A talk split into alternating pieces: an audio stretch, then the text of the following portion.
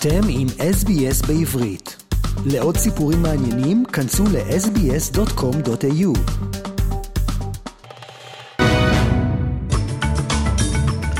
סוף שבוע היסטורי, צ'ארלס השלישי הוכרז רשמית כמלך לאחר מותו של אמו המלכה אליזבת השנייה.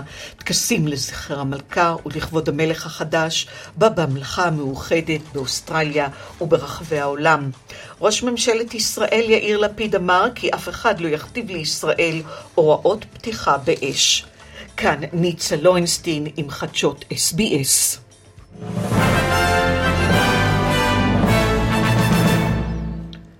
מועצת העלייה של הממלכה המאוחדת הכריזה אתמול רשמית על צ'ארלס השלישי כמלך, יומיים לאחר מות אמו, המלכה אליזבת השנייה.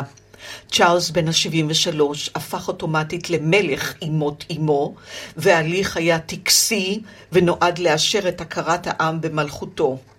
במועצה חברים פוליטיקאים בעבר ובהווה, בהם כל ראשי הממשלה שעודם בחיים. המלך הגיע לטקס כשהוא מלווה באשתו, המלכה הרעיה קמילה, ובבנו יורש העצר ויליאם, שקיבל אתמול את התואר נסיך ויילס. בנאום שנשא אמר צ'ארלס כי הוא מתחייב ללכת בדרכה מלאת ההשראה של אמו. אני יודע כמה העולם כולו מזדהה עימי לנוכח האובדן הבלתי ניתן לתיקון שכולנו חווינו. עוד אמר המלך צ'ארלס על אמו כי הייתה דוגמה לחיים של שירות אוהב וחסר אנוכיות, שלטונה היה ארוך, מסור והדוק מאין כמותו.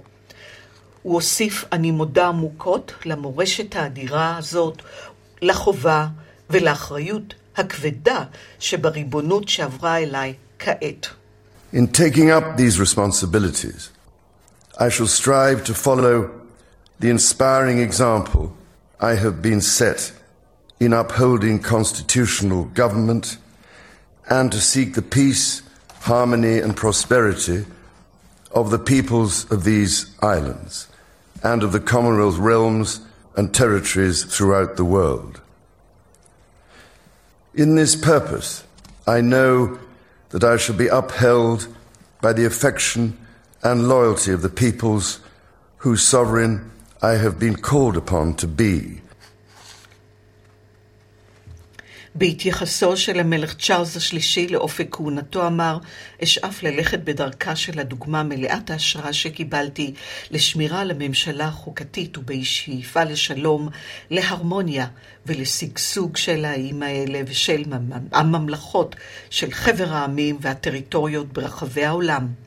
אקדיש את מה שנותר מחיי לביצוע המטלה כבדת המשקל שהוטלה עליי. אני מתפלל להדרכתו ולעזרתו של האל הכל יכול. הטקס שנערך בארמון סט ג'יימס בלונדון התקיים לראשונה בנוכחות נשים, והיה גם הראשון ששודר בטלוויזיה. לאחר הכרזתו של צ'ארלס השלישי כמלך הממלכה המאוחדת, חיילי המשמר הסירו מראשיהם את כובעי הברסקין כמחווה מלכותית, ומטחי כבוד נורו בהייד פארק ובמצודת לונדון. מלך בריטניה צ'ארלס השלישי הבטיח ביום שישי בנאום ראשון לאומה כי כמו אמו הוא יקדיש את חייו לשירות העם. המלך החדש אמר כי המלכה אליזבת השנייה, אותה כינה אימא ליקרה שלי, התחייבה להקדיש את חייה לשירות העמים שלה, ובכך הקריבה את עצמה למען התפקיד. בתחילת נאומו הביע המלך צער עמוק על מותה של המלכה. במהלך נאומו אמר המלך כי הוא מבקש להביע את אהבתו לבנו הרי ולרעייתו מייקל מייגן מרקל, לאחר שהודיע כי ויליאם וקייט, הדוכסים מקיימברידג', יהפכו לנסיך ולנסיכה מוויילס. המלך ציין כי מדובר בתקופה של שינוי למשפחתו. צ'ארלס אמר כי הוא מבקש לאחל לזוג טוב בשעה שהם בונים את חייהם מעבר לים. מרקול בת 41 ונסיך הרי בן 37 נמצאים במרכז סערת תקשורת ויחסים מתוחים עם בית המלוכה לאחר שהחליטו לעזוב את הממלכה המאוחדת בתחילת 2020 בטענה לחטטנות של התקשורת וגזענות מצידה. צ'ארלס בן ה-73 היה בתור לרשת את הכתר במשך שבעה עשורים, תקופת ההמתנה הארוכה ביותר בתולדות המונרכיה הבריטית. המלכה אליזבת השנייה מתה בחמישי בגיל 96, והודעת הארמון על הידרדרות מצבה הגיעה לאחר שהמלכה ביטלה ישיבה של המועצה המלכותית והתבקשה לנוח. וזאת יממה לאחר שמינתה את ליס טראס לראשת ממשלת בריטניה. המלכה הותירה אחריה ארבעה ילדים, שמונה נכדים ו-12 נינים. המלך צ'ארלס שלישי שב לארמון בקינגהם לאחר שהשתתף בטקס במועצת העלייה בה הוכרז באופן רשמי כמלך הממלכה המאוחדת. המונים ברחובות הריעו למראה מכונית הרולס רויס בה נסע המלך החדש והוא נראה מחייך ונופף בחזרה להמונים. האזינו לדברי אחד הפרשנים.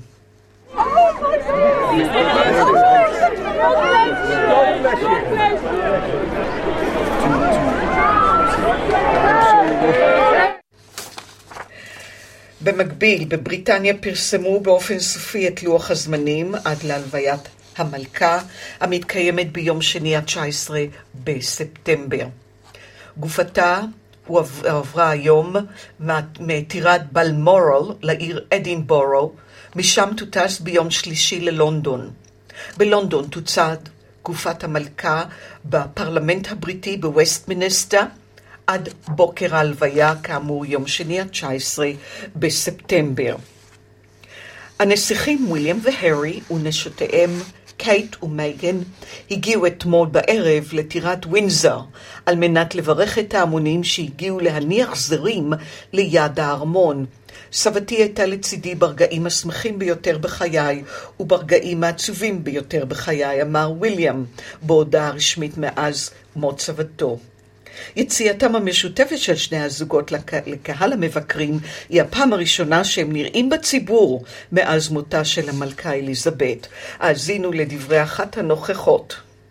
Harry, it's Harry, yeah, he has made our year actually. He, he was just so, so nice, wasn't he? And he asked yeah. us if we come far, and yeah, thank you for coming. And it, it was just, just terrific. It was just so nice to see all four together, and just, yeah, it was brilliant.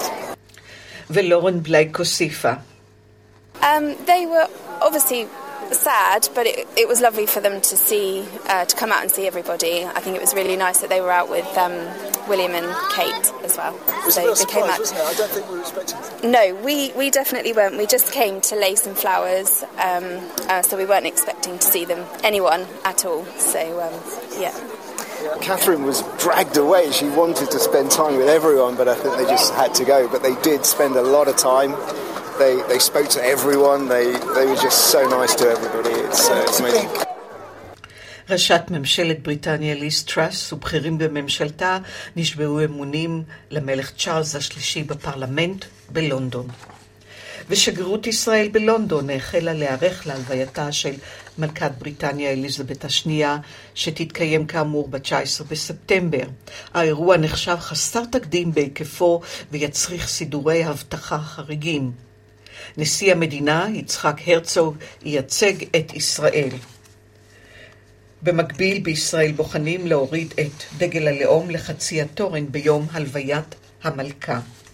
מאז הוכתרה למלכה ב-52, הוזמנה המלכה אין ספור להגיע לביקור בישראל, אולם לא הגיעה. מי שמנע מהמלכה להגיע לישראל כדי לא לפגוע ביחסים עם מדינות ערב ומשרד החוץ הבריטי מתום המנדט הבריטי נמנעה משפחת המלוכה הבריטית להגיע לביקור רשמי בישראל. ועוד על כך לאחר החדשות. ובאוסטרליה נציג הממלכה המאוחדת יכריז היום על המלך צ'ארלס השלישי באוסטרליה, וראש הממשלה אנטוני אלבניזי והמושל הכללי דיוויד הרלי יכריזו כי אוסטרליה מכירה במלך החדש. מטח תותחים, מטח כבוד, ילווה את הטקס. בניו סאט ווילס הציבור מוזמן לבית הפרלמנט לצפוע באירוע ההיסטורי ב-12:30 אחרי הצהריים. גם בית האופרה מואר כעת במיוחד לזכר המלכה אליזבת השנייה, והדגלים הורדו לחצי התורן. ולחדשות אחרות, נעבור לישראל. ראש הממשלה יאיר לפיד התייחס השבוע להודעת ארצות הברית כי תלחץ על ישראל לבחון מחדש את הוראות הפתיחה באש בגדה המערבית ואמר כי אף אחד לא יכתיב לנו הוראות פתיחה באש כשאנו נלחמים על חיינו. ללוחמים שלנו יש גיבוי מלא בממשלת ישראל ומעם ישראל. לפיד גם הדגיש, אני לא אתן שיעמידו לדין לוחם בצה"ל שהגן על חייו מירי של טרוריסטים רק כדי שנקבל מחיאות כפיים בחו"ל. האזינו לדברי יאיר לפיד. אנחנו מחויבים לחופש העיתונות ולכללי פתיחה באש מהמחמירים בעולם. אבל שיהיה ברור, We are committed to the freedom of the press and to the strictest opening fire rules in the world, but let me be clear. I will not allow an IDF soldier that was protecting himself from terrorist fire to be prosecuted just to receive applause from abroad. No one will dictate our open fire policies to us when we are fighting for our lives. There is only one person who determines the instructions to open fire in the army, and he is sitting here, the Chief of Staff. Our soldiers have the full backing of the government of Israel and the people of Israel. לפיד התייחס לתקרית בה נהרגה העיתונאית שירין אבו עקלה. ישראל הביע צער על מותה של העיתונאית. זוהי טרגדיה שקרתה באמצע תקרית בה נורתה אש כבדה בידי טרוריסטים, אמר. צה"ל, הוא הוסיף, לעולם לא יורה במכוון על חפים מפשע. אנו מחויבים לחופש העיתונות ולכללי פתיחה באש מהמחמירים בעולם. גם שר הביטחון בני גנץ התייחס להודעה האמריקאית והבהיר כי הרמטכ"ל, והוא בלבד, קובע וימשיך לקבוע את הוראות הפתיחה באש בהתאם לצורך המבצעי ולערכי צה"ל, ובהם גם טוהר הנשק. לא הייתה ולא תהיה מעורבות פוליטית בנושא. בתחקיר צה"ל עולה כי גם כעת לא שוללים בצבא את האפשרות שהעיתונאית נורתה ב-11 במאי מאש פלסטינית, אך מודים שהאפשרות שנורתה בידי אחד הלוחמים גם היא סבירה. צרפת, בריטניה וגרמניה הביעו את תסכולם אתמול מדרישותיה של איראן במשא ומתן לחידוש הסכם הגרעין מ-2015 וציינו שהתנהלותה מסכנת את השיחות. שלוש המעצמות ציינו בהודעה משותפת כי דרישת איראן לסגור את חקירת הסוכנות הבינלאומית לאנרגיה אטומית, סבא, בנוגע לשרידי האיראניום שנמצאו בשלושה מתקני גרעין בשטחה, היא שמסכנת את המשך המגעים. באוסטרליה הממשלה אישרה כי תבטל את המענק של 18 מיליון דולר שאישר ראש הממשלה הקודם מר מוריסון לארגון צדקה הקשור למושל הכללי דיוויד הרלי. 18 מיליון דולר אושרו לארגון המנהיגים של אוסטרליה בעתיד, שעדיין למעשה לא הוקם. אוקראינה אוקראינה השתלטה אתמול מחדש על עשרות יישובים שרוסיה כבשה במחוז חרקוב ובהם הערים האסטרטגיות איזיום וקופינסק. לדברי נשיא אוקראינה ולודימיר ולנסקי, כוחות אוקראינים השתלטו על אלפיים קילומטר רבוע במחוז חרקוב ושחררו עשרות ערים ויישובים שנכבשו בידי רוסיה. האזינו לדברי זלנסקי. This week we have some good news from the Kharkiv region. You all have probably already seen the reports about the activity of the Ukrainian defenders, and I think every citizen is proud of our soldiers. It is a well deserved and right feeling. It is not yet the time to name particular population centres to which the Ukrainian flag is being returned, but it's time to say thank you to the 25th Airborne Brigade, the 92nd Separate Mechanised Brigade, and the 80th Separate Air Assault Brigade for their bravery and for the heroism they showed during combat missions. שר הביטחון בני גנץ בישראל הודיע כי ימנה את אלוף הרצי הלוי למנכ"ל, לרמטכ"ל ה-23 של צה"ל. הלוי, בן 54, התגייס לצה"ל ב-1985 כלוחם בנחל המוצנח, ובין תפקידיו הבולטים היה מפקד סיירת מטכ"ל, מפקד חטיבת הצנחנים בזמן מבצע עופרת יצוקה, ראש אגף המודיעין, מפקד פיקוד הדרום וסגן הרמטכ"ל.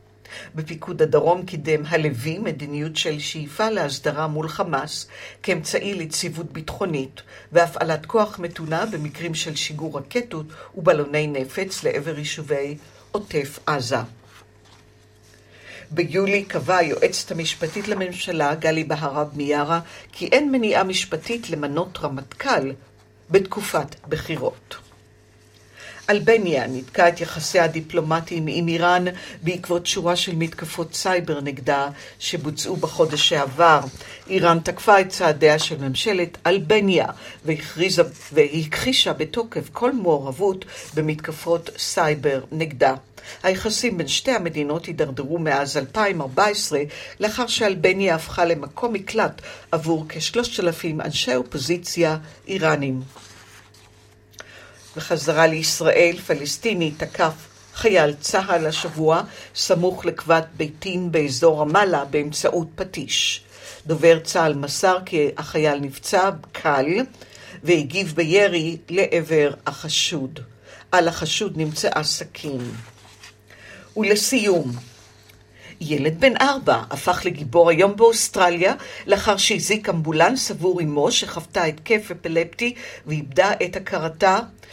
זה קרה יום אחד בלבד, לאחר שזו לימדה אותו איך להתקשר אל מוקד החירום המקומי 000. התקרית התרחשה לפני כשבוע וחצי, ב-27 באוגוסט, בבית המשפחה בתזמניה. האם ונדי קוקר, שהיא אחות במקצועה, סיפרה כי איבדה את הכרתה בעקבות אחד מההתקפים שמהם היא סובלת, וכי ניסתה להתקשר לבעלה. לדבריה התעוררה כמה דקות לאחר מכן, והאמבולנס כבר היה במקום, והפרמדיקים סייעו לה. יום לפני כן לימדה את מונטי כיצד להתקשר מהטלפון הנייד, בין אם הוא נעול או לא, אל מוקד החירום. מרק סמול, אחד הפרמדיקים שהוזעקו לבית, סיפר כי מונטי נופף בידיו מהחלון כשהצוות הגיע לשם. הוא אמר שהוא כבר שנים רבות פרמדיק ומעולם לא ראה ילד בן ארבע מזעיק אמבולנס. עבור כל דולר אוסטרלי תקבלו 69 סנט אמריקאי, 2.38 שקל. מזג האוויר, מלבון, ממטרים 16, סידני נאה 21, בריסבן נאה 25. וזהו סוף החדשות.